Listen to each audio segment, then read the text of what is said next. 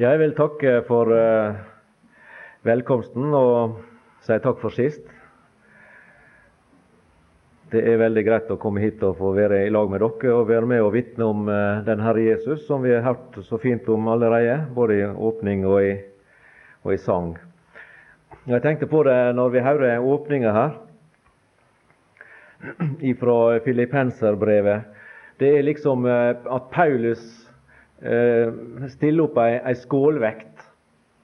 Også i den ene vektskåla der legger han eh, alle sine suksesser og alt sitt eh, tidligere liv som en skriftlærd og som en fariseer, og som alt det førte med seg det livet han levde.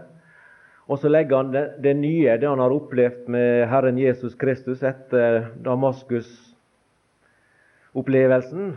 Og da viser det seg det at det det, det bikker den veien. Der han las om at eh, så meget mer verd. Så meget mer verd. Det bikker den veien. Og Slik er det for oss alle sammen. Selv om ikke vi ikke kan sammenligne oss på, med Paulus på noen måte, så er vel det et vitnesbyrd for alle mennesker som har opplevd å bli frelst og opplever frelsesvisshet og kan glede seg og fryde seg i det å høre Jesus til, sjøl i motgangs- og vanskelige tider, at sammenligna med det som verden har å by på, som også dere sang nå, den siste sangen.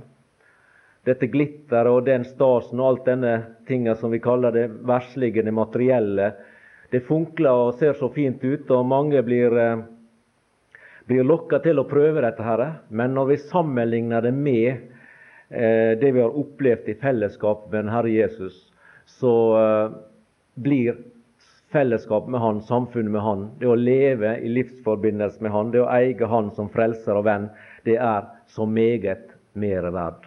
Og Det samme sa jo også Moses, eller det står om han i Hebreabrevet 11, at um, han akta Kristi vanære for en større rikdom enn eh, Egyptens skatter. Der også gjorde han et, et, valg. Der også la han tinga på vektskåla, og så valgte han Kristi vanære eh, framfor det andre. Og Når Paulus, etter å ha levd med Jesus i, i noen år, ser seg tilbake og legger tinga på vektskåla, så er ikke der tvil i hans sjel og hans ånd om hva som betyr mest for han. Han eh, sammenligne og si det, det andre, det skal han, det hiver på vrakhaugen. Det betyr ingenting for meg. Det å eie Jesus og kjenne Han og være kjent av Han, det er det viktigste av alt. Og um, Det er godt for oss å vite, og jeg tenker på dere ungdommene som sitter her også. Dere er jo midt i, i, den fasen i livet der kanskje dere blir lokka ut i denne verdens glans og glitter og glimmer, og, og, og gjennom kamerater og sånt så blir det spurt om å være med både her og der. Og For det er så gøy, og det er så skøy, og det er, det er så fint på alle måter. Men det er ikke det. Det har vi som er litt eldre, erfart.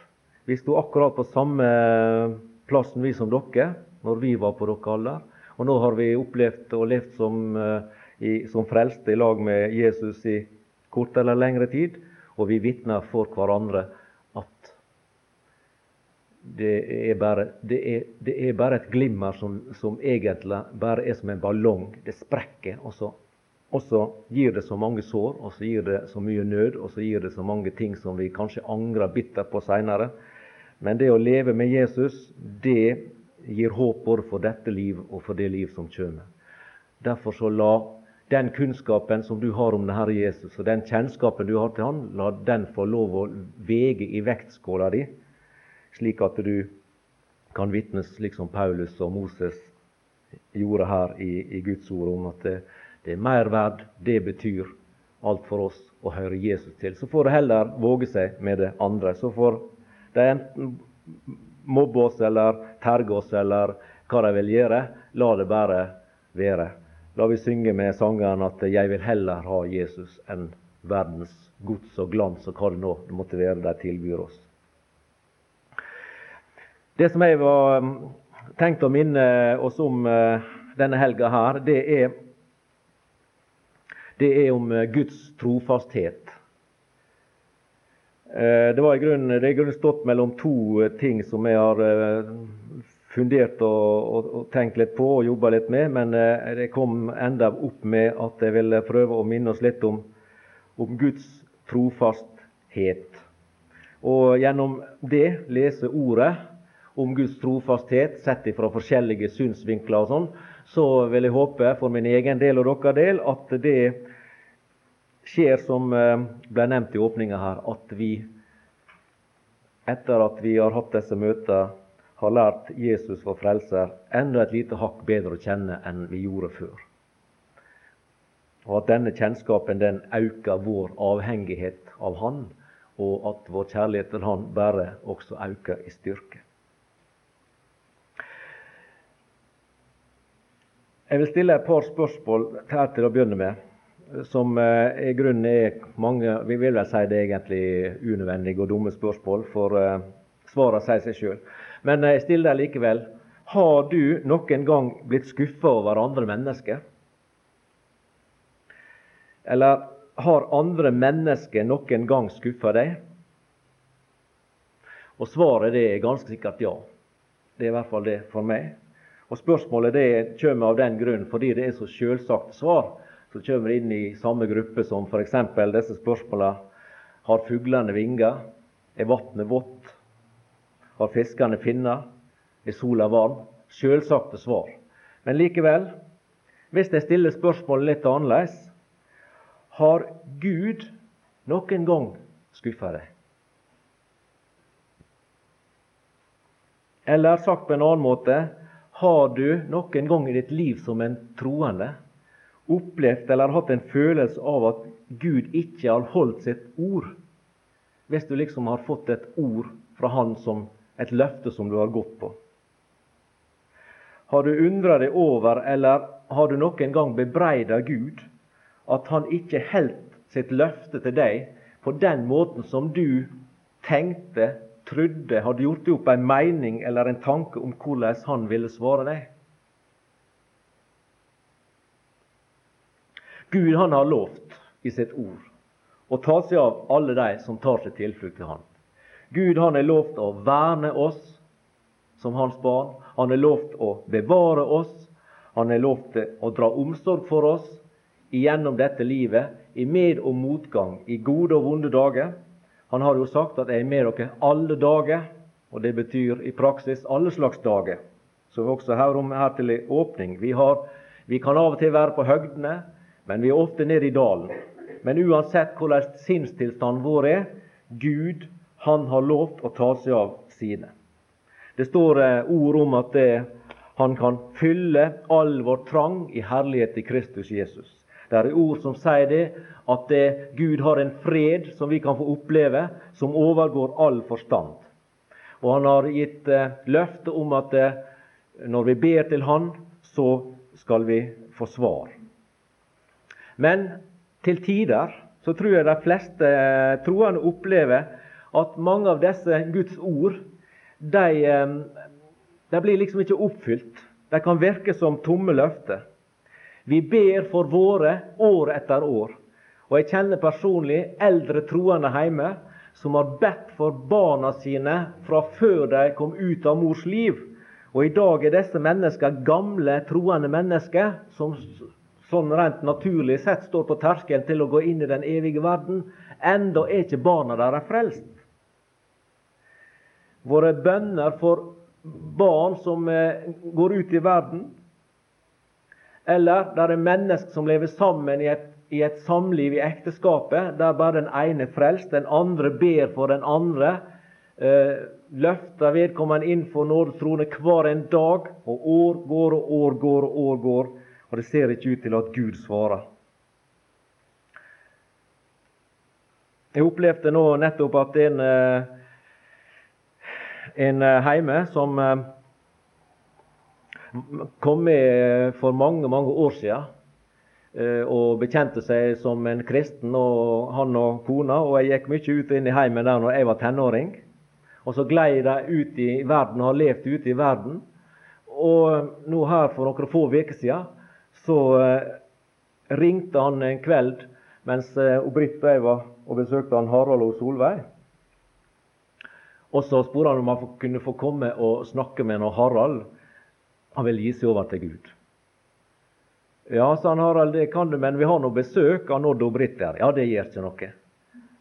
Han, han kjente oss, og det var. han kom. Og eh, han eh, Harald la oss noen ord, og vi snakka og samtalte litt. og Vi bøyde våre kne, tok imot Jesus og ble frelst. Og da eh, fortalte han at han hadde i disse åra, når han så tilbake på livet sitt, så måtte han bare innrømme og, si det at det, han hadde ikke vært frelst. Heller ikke de, så langt han kunne skjønne. og Heller ikke da han bekjente seg som en troende. Og nå opplevde han det i livet, at Gud på en måte antageligvis var der og banka på døra hans på en eller annen måte. Iallfall så opplevde han det, det var noe han mangla. Og når han begynner å tenke seg om hva er det jeg mangler, og da kom han til det jeg mangler liv i Gud. Og så ville han bli frelst.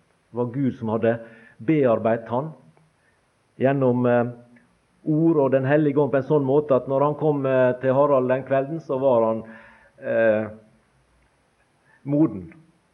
Fullmoden, for å si det slik. Og eh, ikke lenge etterpå så var han på et eh, bønnemøte. Ja, det er vel 14 dager siden, noe sånt. Og da måtte han gå ut i møte. Og da viste det seg at senere på kvelden så for han på sykehuset, og han fikk, hadde fått hjerteinfarkt.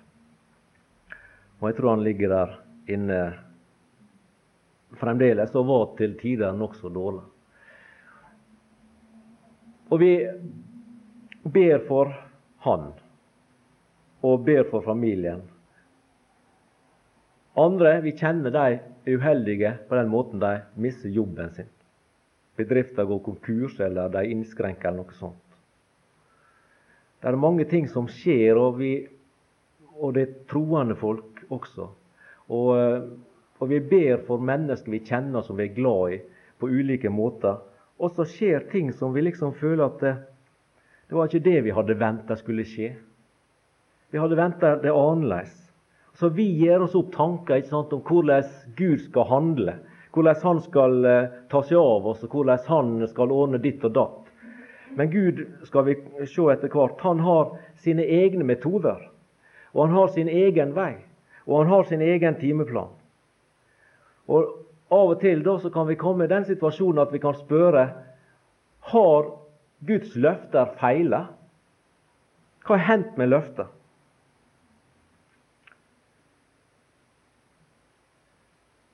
Da har jeg skrevet et spørsmål her. Hva er et løfte? Hva betyr et løfte? Hva vil hva vil det si, et løfte? Og Jeg har funnet ut det rent sånn menneskelig i hvert fall at mange ser på et løfte som et, et ord som har en god mening. En kommer med et positivt, utsagn om et eller annet som, eh, som en slags intensjon. At det, det kanskje skal, skal eh, bli. Men eh, om det blir, ikke blir, så er det ikke så farlig med det. Altså, Det er en intensjon om noe positivt, og sånt, men det kan lett uh, brytes eller la være å opp, oppfølge. Men når Gud gir løfte, da er ikke det slik. Gud, han, når han gir løfte, da uttrykker han noe annet enn en positiv tanke om at det, jeg håper sånn og sånn, at er slik og slik. Nei, når Gud gir et løfte, det viser Bibelen, så gir han sitt absolutte troverdige ord. Altså han setter sin egen troverdighet på spill, Gud, når han gir et løfte. Jeg har funnet ut ved å lese i uh, ulike bøker at uh, Gamle testamentet ikke har et spesielt ord for løfte. Men at det er tanken om dette med, som vi snakker om når vi tenker på et løfte, den er i Det gamle testamentet. Og der er to ord har jeg funnet ut, som blir oversett med løfte. og Det heter Amar og Dabar, fant jeg i ei bok. Og Det blir oversett med løfte i Bibelen, og det har meninga med å tale enn å si. Tale ord, gi utsegner om et eller annet. Og spesielt når det gjelder framtida. Og Ordet er brukt på en sånn måte at når Gud taler, gir et løfte, eller når mennesket i Gammeltestamentets tid gir et løfte, som vi leser om i Bibelen, så var det slik at i ethvert tilfelle et løfte ble gitt, så var det taleren sitt ord taleren sin ære og taleren sin sjølrespekt som sto på spill i forhold til det å oppfylle dette løftet. I ei ordbok så fant jeg denne forklaringa på et løfte. Hva er et løfte? Et løfte, står der, er ei erklæring som forsikrer at en person vil gjøre et eller annet, eller ikke vil gjøre et eller annet. Løftet kan være positivt eller negativt lada. Men slik at det, det er en erklæring om at en person vil gjøre det og det og det. Eller en erklæring om at en person ikke vil gjøre slik eller slik eller slik. Eh, det betyr også eh, det ordet som vi bruker på norsk i visse sammenhenger, å sverge. Altså at en sverger at sånn og sånn skal det gjøres. Det er stor der som forklaring på et løfte. I Det nye testamentet så blir eh, dette her brukt på samme måte som i Det gamle testamentet. Gud han står bak sitt ord. Når han kommer med et utsagn, et løfte, så står han ved det. Og Derfor så er det vel kanskje naturlig at eh, ordet 'løfte' det blir i Det nye testamentet da brukt dette greske ordet som heter 'angelia' som betyr et budskap eller ei annonsering. Så når Gud annonserer noe, når han kommer med et budskap om noe som skal skje i framtida, enten slik eller slik, så er det et ord som Gud står bak. Han eh, setter sin ære i å oppfylle det. Han setter sitt ord på det. Han setter all sin personlighet inn på at dette her, det skal oppfylles. Og Vi skal få se uh, ut ifra Bibelen senere om vi begynner å lese, at vi har ingen grunn til å tvile på Gud. Vi har ingen grunn til å dra hans evne og makt og vilje til å oppfylle sine løfter i tvil. Guds løfte er Bibelens hjerte. Alt det Gud har talt, alle kunngjøringene kommer med, alle budskapene gitt. Det er et løfte basert på Guds fullkomne, gode og troverdige karakter. Hvorfor er det da likevel såpass stor forvirring, som det ofte kan virke som det er, når det gjelder om dette med hvordan Gud heller løftene sine? Og Det har jeg tenkt litt på, og jeg er kommet til det at det der til tider kan være stor forskjell i vår oppfatning av hva vi tror Gud har sagt han vil gjøre, og det som vi ser skjer i det daglige liv, i våre daglige erfaringer, som jeg var inne på til å begynne med. Og Jeg tror at denne avstanden mellom vår evne til å se og det som virkelig skjer, det er, kommer av at vi har ikke kunnskap nok som vi var inne på her til å begynne med. Vi mangler kunnskap og forståelse for Guds handlemåte. Vi kjenner Gud for lite. Jeg tror det er sant å kunne si det at de troende som lever nærmest Gud i sitt daglige, praktiske liv, som har lært Gud mest å kjenne, de er de troende mennesker som til enhver tid er minst overraska over ting som skjer eller ikke skjer. Jeg har skrevet ned fire forskjellige årsaker til, eller som kan være årsak i denne forvirringa når det gjelder uh, at vi misforstår eller på en eller annen måte ikke skjønner Guds handlemåter. For det første så har jeg notert meg at vi har falske forventninger. Vi tror at Gud vil holde løftet sitt på den og den måten. Vi forventer at Gud skal handle slik og slik. Og når han tilsynelatende ikke handler slik og slik, så blir vi forvirra. Hvorfor gjør ikke Gud det sånn og sånn? Vi tenker ofte som mennesker kortsiktig. Vi vil ha, vi vil ha rask resultat. Vi vil ha suksess med en gang. Gud han handler, det viser ordet, Gud han handler etter langsiktige planer. Du og jeg som mennesker, som Guds barn. Vi ser overfladisk på ting. Vi ser bare krusningene på overflata. Gud han arbeider i dybda. For det andre så kan forvirringa komme av feiltolkninga av ordet, og at vi anvender ordet på en måte som eh, strider mot ordets intensjoner. Jeg husker han, eh, Jon Aurebekk han eh, brukte av og til å si dette uttrykket som står i et av bådorda. Du skal ikke stjele, sa han. Du skal ikke stjele. Og med det mente han at Guds løfter var ikke alltid gitt til menigheten. Det var ikke alle løfter som til alle tider gjaldt alle mennesker. Det er ikke alle løfter i hele Bibelen som til enhver tid gjelder alle troende. Han mente at eh, vi måtte som Guds barn lære Skriften å kjenne, slik at vi klarte å skille, så vi kunne sette tingene på sin rette plass. Og løftet som Gud spesifikt og spesielt altså direkte hadde gitt til Israel som nasjon og folk, det kan ikke vi automatisk ta til oss som om det skal gjelde oss. Og så sa han du skal ikke stjele. Stjel ikke fra jøden det som hører jøden til. Stjel ikke fra Israel det som hører Israel til. Og I den sammenheng bør vi, når vi leser Guds ord og tilegner oss ordet og løftene, så må vi være påpasselige, slik at vi ikke gjør Gud urett ved å tillegge oss ting som Han har gitt til andre. Det tredje jeg har skrevet opp, det er at vi har falske følelser. Følelsene spiller oss et puss. Følelsene er lett for å ta overhånd hos mennesket. Og Resultatet kan bli at pga. ting som skjer oss i livet, så kan det føre til at vi bebreider Gud for ikke å handle slik vi hadde tenkt. Bebreider Gud for ikke han gjør det vi trodde han skulle gjøre i den og den situasjonen. Det kan være at du og jeg gjør personlige feilgrep. Vi kan falle i synd. Vi kan gjøre ting i livet som er vår egen feil. Vi kan oppleve, som jeg nevnte i stad, tap av arbeid. Vi kan oppleve å få um, helsa knekt eller redusert. Vi kan oppleve, som mange mennesker i vår tid uh, opplever, psykiske lidelser pga. press av ulike slag, stress og forskjellige ting. Vi kan oppleve å bli urettferdig behandla av andre mennesker. Og alt dette her kan sette følelser i sving hos oss mot Gud. I opposisjon mot vår himmelske Far.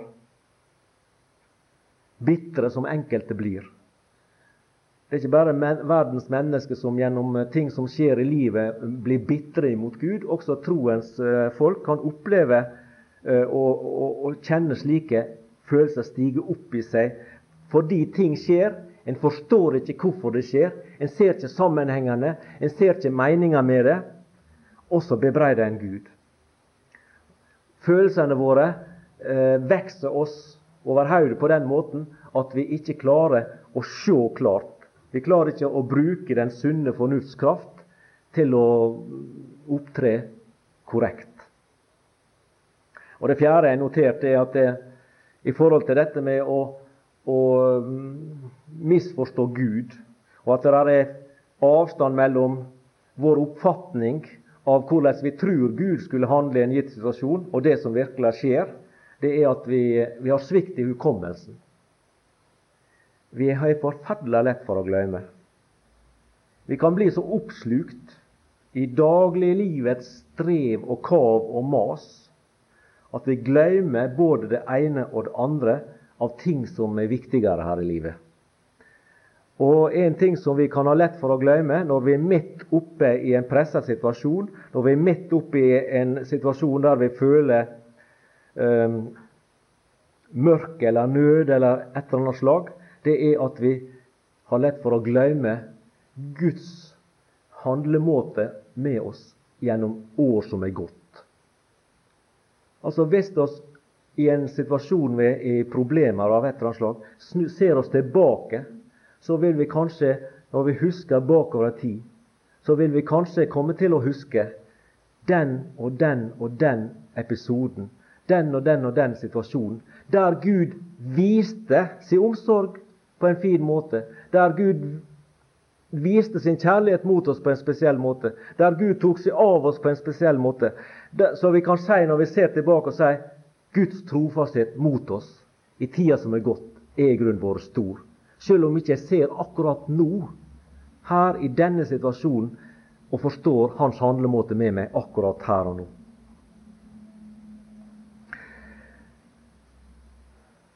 Guds trofasthet, den er der hele tida, selv om vi ikke ser det. Hva skal vi så gjøre? Hvordan skal vi kunne klare å bringe våre forventninger og følelser om Guds løfte og hans eh, behandling av løfter på linje med Guds planer og Guds sannheter i forhold til løftene? Og Det er i grunnen det som eh, jeg, tenk, jeg har tenkt å, å prøve ut ifra Guds ord å komme inn på i disse møtene. Du syns gjerne at det, blir en litt lang eh, innledning, men jeg syns det kan være greit å bygge en liten grunnvoll på rent sånn filosofisk på dette her, før vi begynner å lese i Ordet, som da vil stadfeste og videre utdype disse tingene. Hvordan er det Gud holder løftene sine?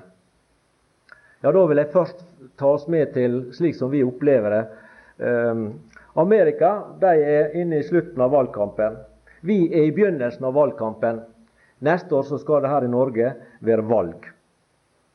Alle politiske valgkamper er like. Løftet blir gitt i hundretalls. Løfte på løfte. Og den ene politikeren og det ene partiet står fram med fagrere løfter enn det andre. Det kan virke som de skal overgå hverandre i å gi løfter. Hva skjer når valget er forbi? Ja, Det har vi også opplevd, vi som har levd noen år og fulgt med i dette. At så snart valget er over, så kan det se ut som at det, de aller fleste glemmer hva de har lovt. Mange løfter de blir bråtne med én gang, fordi at det, det var i grunnen valgflesk. Altså Det var gulrot som de hengte opp for at velgerne skulle stemme på dem. Og når de da har fått velgernes stemme, så har de fått det de har bruk for, og da betyr ikke løfta noe mer. Andre løfter som de ga, de lå på et sånt høyt nivå at de hadde ikke verken mulighet, evne eller økonomi eller noe slag til å gjennomføre løfta i praksis når de kom og fikk politisk makt. Slik er ikke Gud. Det må vi være klar over. Gud han opptrer ikke som politikere gjør i Norge. Gud opptrer ikke som menneske i det hele tatt. For eh, vi som er her, vi er kanskje ikke politikere. Vi er alminnelige mennesker. Men vi har akkurat den samme svakhet som disse jeg har referert til nå. Vi heller klarer ikke å holde alle våre løfter. Vi også har problemer med å holde løfter. Vi også kan ha lettere for å gi et løfte enn å holde det. Men ikke slik hos Gud. Gud han har all makt og all visdom i universet til sin rådighet til gjennom sin makt og sin visdom å fullføre sine løfter og oppfylle sine løfter. Han vil aldri behøve å be deg og meg eller noe annet menneske om unnskyldning for ikke å oppfylle løftene sine. Og vi har heller ingen grunn til ikke å stole på Han.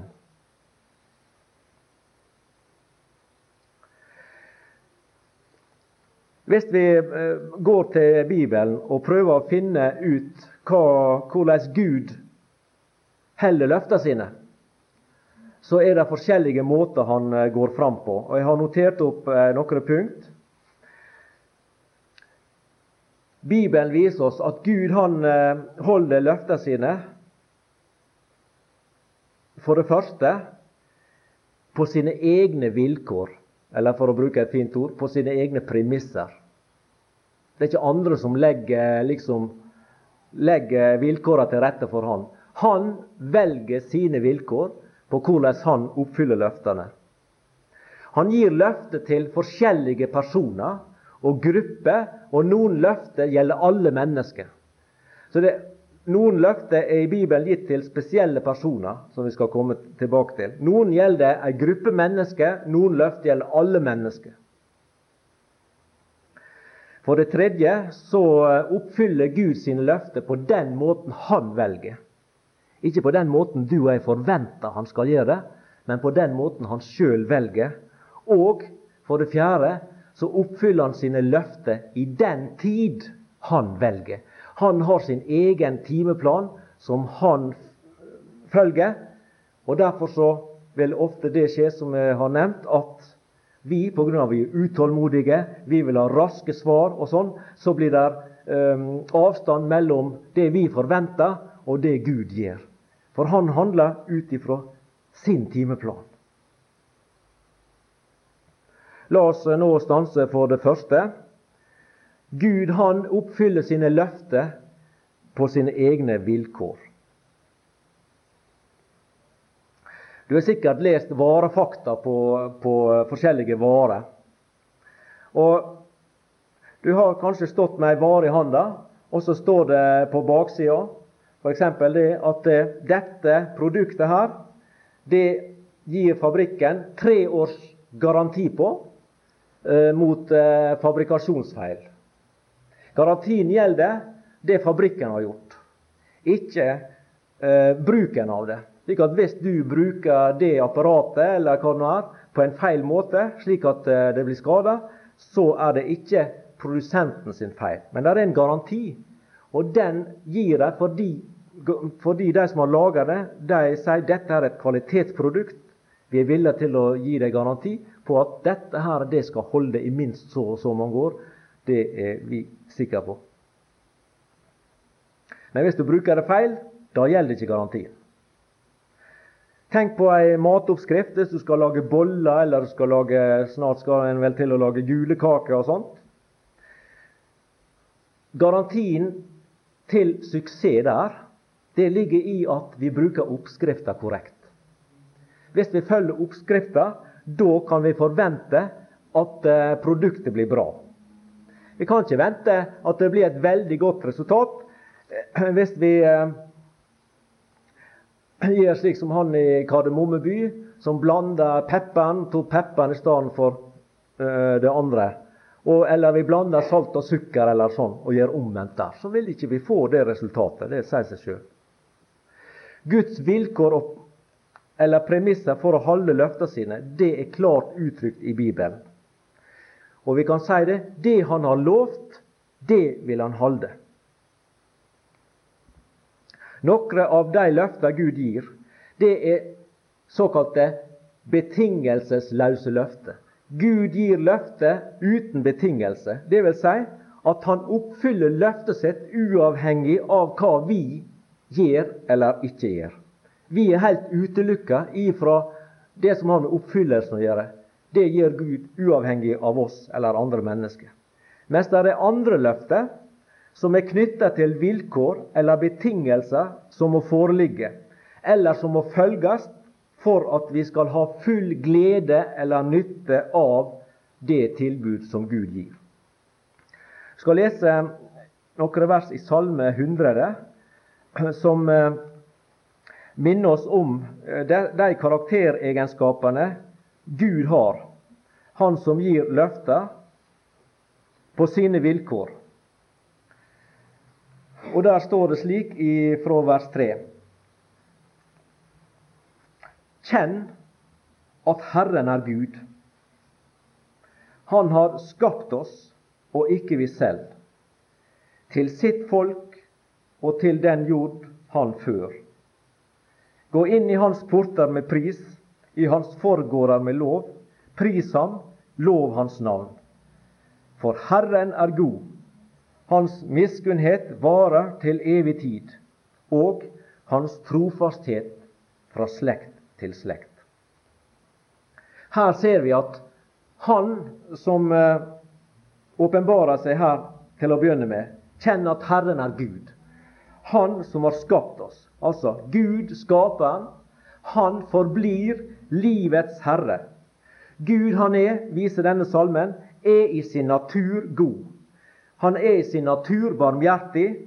Han er i sin natur slik at han oppfyller sitt løfte. Han er alltid sann mot sitt eget ord. Gud fører ingen bak lyset. Gud står klart fram og sier slik og slik vil jeg handle, sånn og sånn skal det gå, og det vil gå i oppfyllelse. Det skal vi lese mange ord om etter hvert. Hele Bibelen er full av vitnesbyrd som viser at Gud sine løfter reflekterer hans karakteregenskaper. Herren er god. Det viser Bibelen igjennom fra begynnelse til slutt. Herren er god. Han er mis, hans miskunnhet varer til evig tid. Gud er en miskunnelig Gud, en nådefull Gud, en barmhjertig Gud. Det er egenskaper som Gud alltid har hatt, som han har i dag, og som han vil ha til evig tid. Alle disse her trekker her, og hans trofasthet fra slekt til slekt, reflekterer egenskaper hos Gud som han bærer i seg til enhver tid. Slik var Gud, slik er Gud, slik forblir Gud. Han er god, miskunn, han er trofast. Han er mange andre ting også, men det skal vi la ligge her. Hva er det så slags betingelser Gud knytter til løfter? Ja, En del av løftene i Bibelen de er som jeg nevnte i sted, som slike redskapsgarantier. Som fungerer bare hvis kunden ikke gjør et eller annet som eh, ødelegger avtalen. Altså hvis du følger framgangsmåten, hvis du følger oppskrifta, hvis du følger det som står at sånn og sånn skal du gjøre, da vil maskinen virke helt bra. Da vil denne tingen fungere sånn som den skal. Men hvis du handler annerledes, da kan ikke avtalen gjelde lenger. Da kan ikke garantien gjelde. Med andre ord at det er sett liksom et løfte. At hvis du forholder deg sånn og sånn og sånn, da vil det gå bra. Hvis du derimot gjør sånn og sånn og sånn, da vil det ikke gå så bra.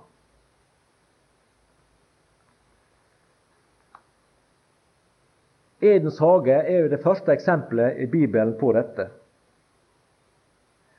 Vi skal slå opp i kapittel 2 og lese vers 16 og 17. Og Gud, Herren, bød mennesket du må fritt ete av alle trær i haven. Der legger Gud fram frihet hvis du eter av alle trær i haven, men ikke dette spesielle treet, men treet til kunnskap om godt og ondt, det må du ikke ete av. Her gir Gud et løfte med betingelse, nemlig at hvis de eter av alle andre tre, så vil de forbli i live. Hvis de eter av treet til kunnskap om godt og vondt, da skal du dø. Her ser du at liv og død er knytta til et løfte. I lydighet fører til liv. Ulydighet fører til død. Og vi veit hvordan de opptrådte. Og Romerbrevet forteller jo at gjennom denne ulydighetshandling som kom både synd og død inn i verden. Og det eksisterer den dag i dag. Vi skal gå til eh, andre Mosebok, eh, kapittel 19. I forbindelse med Sinai-pakta så eh, er jo det som en avtale mellom folket og Gud fra vers 3 i kapittel 19, andre Mosebok. Men Moses steg opp til Gud, og Herren ropte til ham fra fjellet og sa:" Så skal du si til Jakobs hus og kunngjøre for Israels barn. Jeg har sett hva jeg har gjort med egypterne, og hvorledes jeg har båret eder på ørnevinger og ført eder til meg. Dersom I nå lyder min røst og holder min pakt, da skal jeg være min eiendom fremfor alle folk, for hele jorden hører meg til. Og jeg skal være meg et kongerike av prester og et hellig folk. Dette er de ord du skal tale til Israels barn. Hvis vi går til eh, kapittel 20 og leser der et par vers, ifra vers 4 Du skal ikke gjøre deg noe utskåret bilde eller noen avbildning av det som er oppe i himmelen, eller av det som er nede på jorden, eller av det som er i vannet nedenfor jorden. Du skal ikke tilbe dem og ikke tjene dem, for jeg Herren din Gud er en nikjær Gud, som hjemsøker fedres misgjerning på barn inntil tredje og fjerde ledd, på dem som hater meg, og som gjør miskunnhet mot tusen ledd, mot dem som elsker meg og holder mine bud. Og så kommer det flere av disse her. Du skal ikke misbruke Herrens navn, står der. Og i vers 12.: heder din far og din mor, så dine dager må bli mange i det land Herren din Gud gir deg.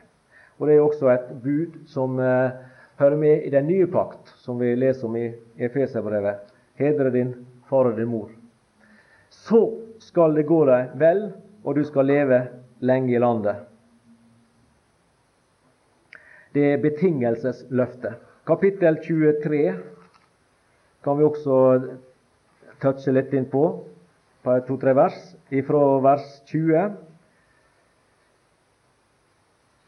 Se, jeg sender en engel foran deg for å vokte deg på veien og for å føre deg til det sted jeg har utsett for deg. Ta deg i vare for ham og hør på hans røst. Vær ikke gjenstridig mot ham. Han skal ikke bære over med eders overtredelser, for mitt navn er i ham.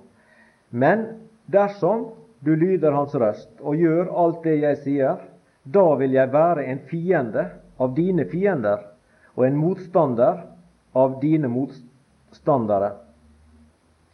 Og i vers 25.: Og I skal tjene Herren eders Gud, og Han skal velsigne ditt brød og ditt vann, og jeg vil holde sykdom borte fra deg. Dersom du sånn og sånn og sånn og sånn, så skal Gud velsigne ditt brød og ditt vann og holde sykdom borte ifra deg. Gud gir et løfte, men han knytter betingelse til løftet. Hvis folket levde opp til betingelsene, så ville Gud leve opp til sitt løfte på den måten at de fullt ut fikk nyte de velsignelser som var knytta til løftet. Men vi skal se mm, litt seinere at det ikke skjedde. Og fordi det ikke skjedde, så fikk heller ikke folket nyte de velsignelser fullt ut i det lovede land som på forhånd var annonsert de skulle få hvis sånn og sånn og sånn. og sånn. Det samme finner vi i Josva eh, der, når, eh, når eh, Josva tok over og de skulle gå over Jordan og inn i inn i løfteslandet, så står det i første kapittel der, fra vers 7.: Vær du bare riktig frimodig og sterk, så du akter vel på å gjøre etter hele den lov som Moses min tjener lærte deg. Vik ikke av fra den, verken til høyre eller venstre, så du kan gå viselig frem i alt det du tar deg fore. Denne lovens bok skal ikke vike fra din munn, men du skal grunne på den dag og natt, og du akter vel på å gjøre alt etter det som står skrevet i den. Da skal du ha lykke på dine veier, og da skal du gå viselig frem. Har jeg ikke befalt deg, vær frimodig og sterk, frykt ikke og reddes ikke, for Herren din Gud er med deg i alt det du tar deg fore. Det var å akte på ordet og gjøre etter det som står skrevet. Da skulle de ha lykke på sine veier.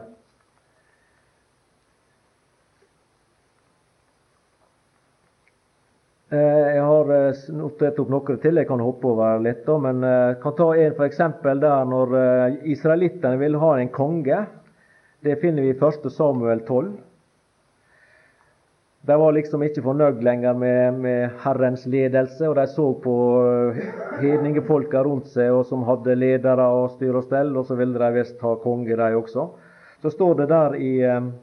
Eh, Samuel 12, vers 13. Her er nå kongen som I har valgt, som I har bedt om. Herren har satt en konge over eder. Dersom I nå frykter Herren, og tjener ham og lyder ham og ikke er gjenstridige mot Herrens ord, men følger Herren eders Gud, både i og kongen som råder over eder. Så skal Herren være med eder. Men dersom I ikke lyder Herren, men er gjenstridige mot Herrens ord, så skal Herrens hånd være mot eder, som mot eders fedre. Salme 37, vers 3 eh, og 4. Salme 37, vers 3 og 4. Sett din lit til Herren og gjør godt. Bo i landet og legg vind på trofasthet. Og gled deg i Herren, så skal Han gi deg hva ditt hjerte attrår. Og Et lignende utsagn finner vi i første kapittel i Esaias. Fra vers 16 i første kapittel av Jesajas.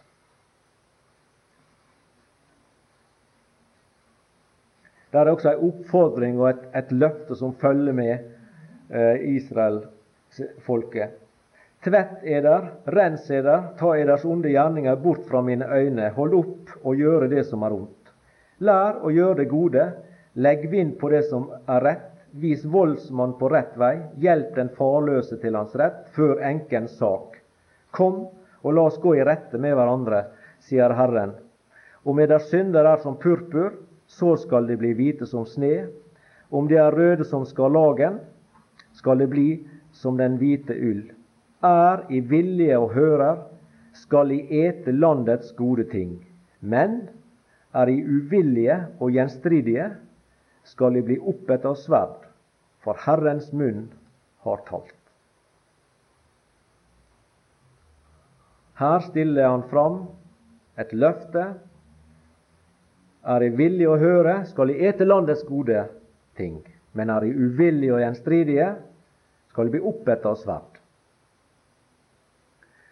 Jeg kan ta noen eksempel fra Nytestamentet også. Vi har jo disse saligprisningene i Matteus 5, som vi kjenner til, om de som er eh, fattige i ånden og sørger, saktmodige, og de som hungrer og tørster etter rettferdighet osv. Og I eh, kapittel 6, fra vers 25 og utover, der finner vi også akkurat samme tankegangen der han snakker om å ikke være bekymra for vårt liv og hva vi skal ete osv. Hvem kan legge med all sin bekymring en al til sin livslengde? Og så kommer vi nedover da, til vers 33. Eh, Men søk først Guds rike og Hans rettferdighet, så skal De få alt dette i tilgift. Vær altså ikke bekymret for den dag i morgen, for den dag i morgen skal bekymre seg for seg selv. Hver dag har nok med sin egen plage.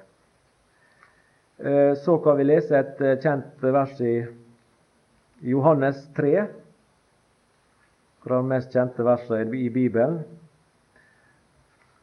Johannes 3, 16 og utover. For så har Gud elsket verden, at Han gav sin Sønn den enbårne, for at hver den som tror på ham, ikke skal fortapes, men ha evig liv. For Gud sendte ikke sin Sønn til verden for å dømme verden, men for at verden skulle bli frelst ved ham. Den som tror på ham, blir ikke dømt. Den som ikke tror, er allerede dømt fordi han ikke har trodd på Guds enbårne Sønns navn. Her gir også Gud løfte med betingelse i en forstand. Og den betingelsen, den er knytta til hver den som tror på ham. Løftet er knytta til at mennesket må komme i trosforhold til den Herre Jesus. De som ikke vil tro på Herren Jesus, vil ikke nyte godt av det Guds løfte som står her, om at en ikke skal fortapes, men ha evig liv. Det løftet er knytta til de mennesker, de synderne, som tar imot evangeliet ved tro. De som ikke tror, de er allerede dømt, som her står. Og Vi kjenner til fra et andre ord også dette med at det, den som ikke vil tro, står der en annen plass. Den som ikke vil tro. Den som tror på Sønnen har evig liv. Den som ikke vil tro, han skal ikke se livet, men Guds vrede blir over ham. Det er, ikke, det, er ikke, det er ikke noe universell frelse, slik som enkelte hevder det. Det går ikke an å forsvare, så langt jeg ser, ut fra Guds ord. Som det blir sagt at Gud er en nådig Gud, barmhjertig og kjærlig Gud. Han vil ikke sende noen i fortapelse. Med andre ord, fortapelsen den, det er noe som vi opplever i vårt sinn her. Det blir jo sagt av teologer også i Norge. At helvete, fortapelsen, det er en sinnstilstand, en sinnsopplevelse, som er her og nå. Og når vi går over ifra dette liv og inn i den evige verden, så vil alle bli samla hos Gud til slutt, for Gud er den universelle far for alle som, alt som kalles barn i himmel og på jord, dvs. Si alle mennesker. Slik tolker de det. Men her går det jo klart fram at eh, Gud han gir et løfte om frelse, evig liv, synsforlatelse, knytta til at mennesket fester tru på den Herre Jesus Kristus. At hver den som tror på ham, ikke andre, men de, de får oppleve den nåde og velsignelse og gå inn i den evige verden og oppleve fullkomment fellesskap med Gud og hverandre. Mens de andre de vil fortapes. Jakob brev, det fjerde kapittel og sjuende vers.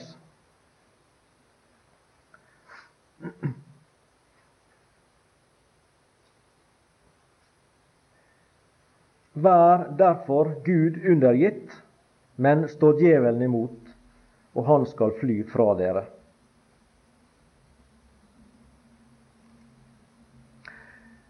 Det er også et vers der Gud gir et løfte. Han skal fly fra dere.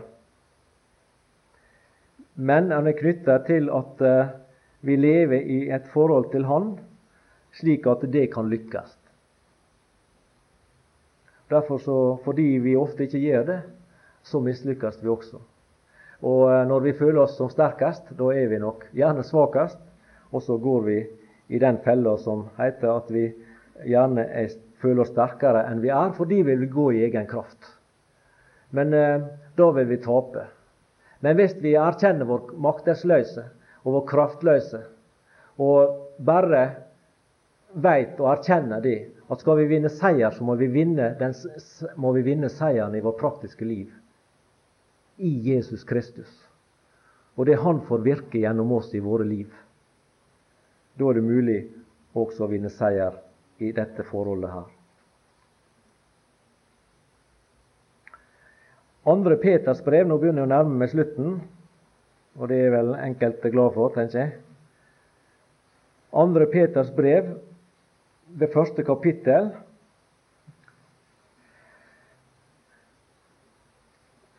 Der står noen herlige ord ifra vers 3. Ettersom Hans guddommelige makt har gitt oss alt som tjener til liv og gudsfrykt, ved kunnskapen om Ham som kalte oss ved sin egen herlighet og kraft, og derved har gitt oss de største og dyreste løfter, for at I ved dem skulle få del i guddommelig natur, i det I flyr bort fra fordervelsen i verden, som kommer av lysten.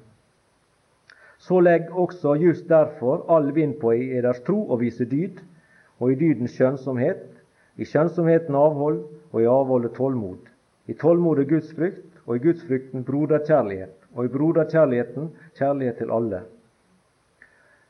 Og så kommer det som eh, da dette er knytta sammen med. For når disse ting finnes hos eder og får vokse, da viser de at de ikke er uvirksomme eller ufruktbare i kunnskapen om vår Herre Jesus Kristus.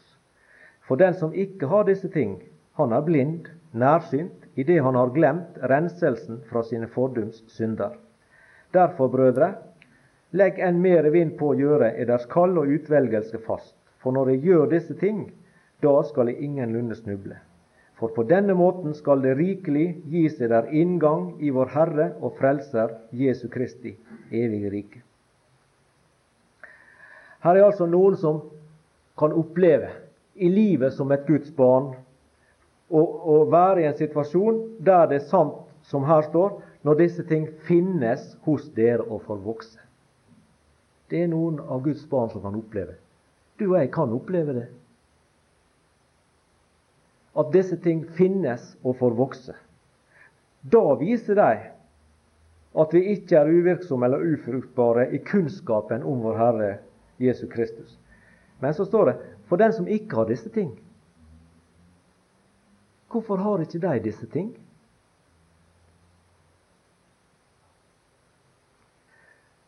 I vers 3 og 4 så står det at i utgangspunktet så, så står vi likt. Ettersom Hans guddommelige makt, Hans guddommelige makt, har gitt oss alt som tjener til liv og Guds frukt. Det ligger der, tilgjengelig for alle Guds barn. Men så viser det seg i praksis at noen de opplever det at disse ting får finnes og får vokse. Hos andre så finnes de ikke også en blind nærsynt.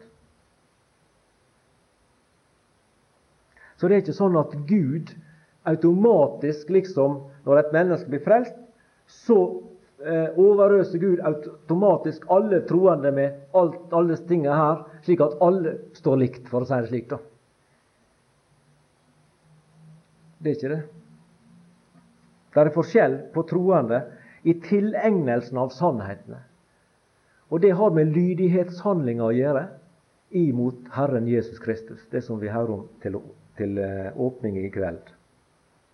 Dette å finnes i Ham, og dette med kunnskapen om Han, som er blitt så meget mer verdt, og som gjør at en legger andre ting til side, fordi Kristus, det er blitt mitt alt.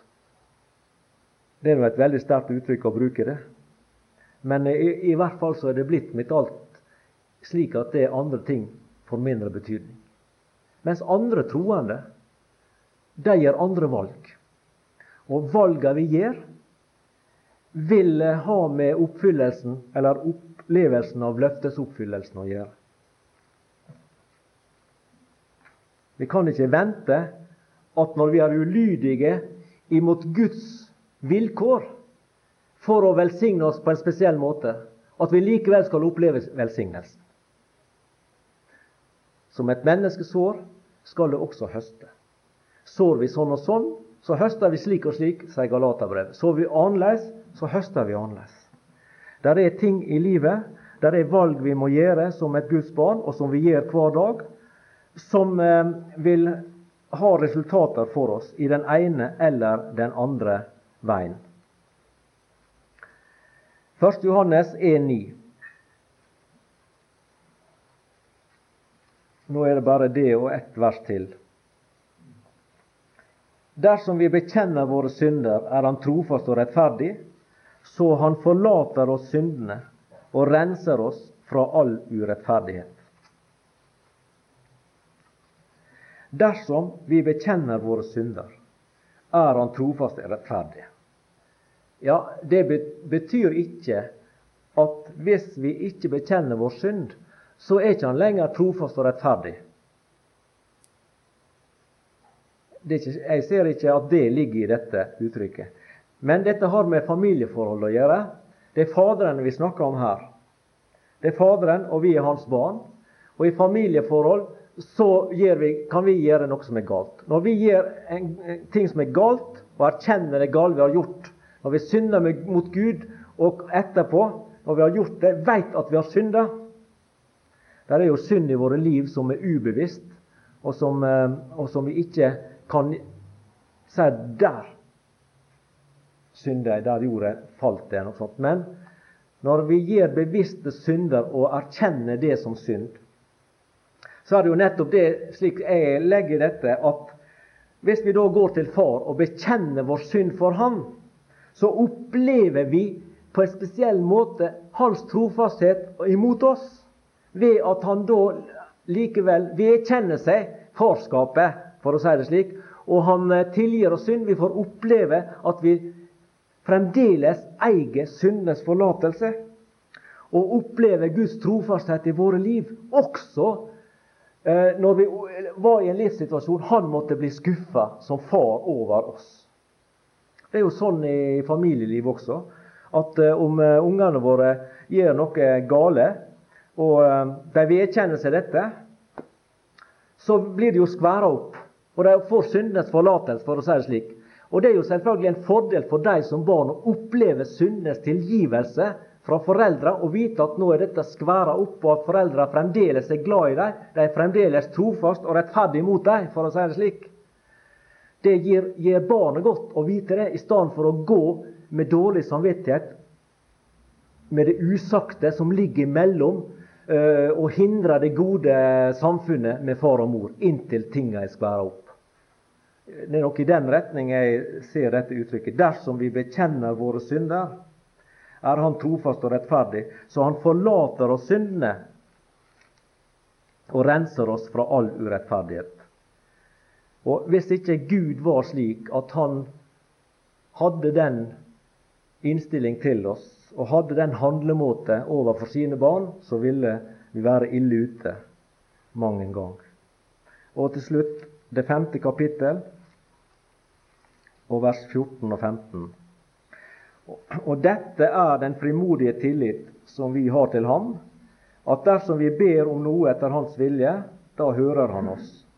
Og dersom vi vet at Han hører oss, hva vi så ber om, da vet vi at vi har de ting vi har bedt Ham om. Og Dette verset sammen med andre vers i Det nye testamentet er det som vel er med også på å gi oss frimodighet til å be for våre og for hverandre. Og løfte denne og hin framfor nådes trone og be om frelse, be om bevarelse, be om eh, hva det nå måtte være. For våre kjære og nære, og for andre mennesker som vi tenker på. Og Jeg tenkte litt mer på det nå i det siste enn jeg har gjort i, i, i, lengre tid, for å si det slik. Og det er at det, der går mange mennesker rundt oss mange mennesker på Valdrea som ikke er, de er ikke kristne. Og tilsynelatende har ikke de interesse av evangeliet. De lever et kav liv.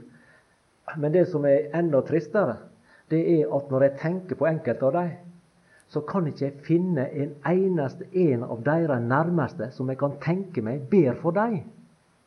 Det er mange som lever kanskje uten en eneste en på jord som nevner dem for Herrens trone, nådens trone. Er ikke det trist? Tenk hvor heldige du og jeg er, som har vært rundt oss og med oss, som vi veit legger oss fram for Gud i bønn både titt og ofte. Det er en verdi som vi ikke kan verdsette høyt nok. Så lar vi med frimodighet fremdeles ha våre bønnelister og legge de forskjellige personer framfor Herren. Ikke minst i å be om at eh, de av våre som enda står Gud imot, som enda ser ut til å ikke ha noe sans for frelse i Jesus Kristus, at Jesus må nå deres hjerte, slik at de også får oppleve det samme som vi, av nåde ta imot og bli frelst ved tru hva slags løfte så er det så som er uten betingelser fra Gud? De såkalte betingelsesløse løfter. De eh, tenkte at vi skulle begynne å lese litt om i morgen. Ja, jeg vil takke deg, Herre Jesus, for at det er sant som det står i en sang, at dine løfter er mange, din trofasthet stor. Og Jeg takker deg for at du har gitt oss, som vi las her, de største og dyreste løfter, ved hvilke vi skal få del, og har fått del i guddommelig natur. Takk for det under som skjedde i våre liv, Herre, den dagen du kom inn og fødte et nytt liv i oss. Ditt liv. Det guddommelige liv. Takk for at vi gjennom det fikk komme inn i din familie. Vi blei barn av Gud, den evige Far. Takk for det vi får leve i fellesskapet og samfunnsliv med deg, Herre. Og takk for det at eh, vi får lov å tro på det, at eh, din trofasthet, den varer fra slekt til slekt. Takk for det du har vært imot meg. Takk for det at du kalte meg inn i ditt frelsesverk når jeg var unge. Takk for det at jeg fikk høre hjemme ei lokkende stemme i ungdommens fagreste vår, og det var de hyrdestemme. Det var de frelserstemme som kalte meg inn i samfunnet med deg. Takk for at du har tatt det av meg helt til nå. Og takk for at jeg får lov å legge meg fremdeles trygt i dine allmektige hender, og vite det at eh, du vil bevare meg hele reisa helt fram. Og det vil du gjøre med alle.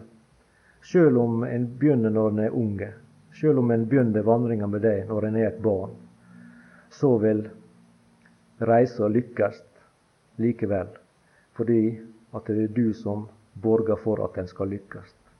Det er du som frelser, det er du som bevarer, det er du som bringer oss trygt og sikkert inn i Faderhuset. Takk, Herre, for din frelse. Takk for din trofasthet. Takk for at vi får leve på løftene. Takk for at du står ved dine løfter. Amen.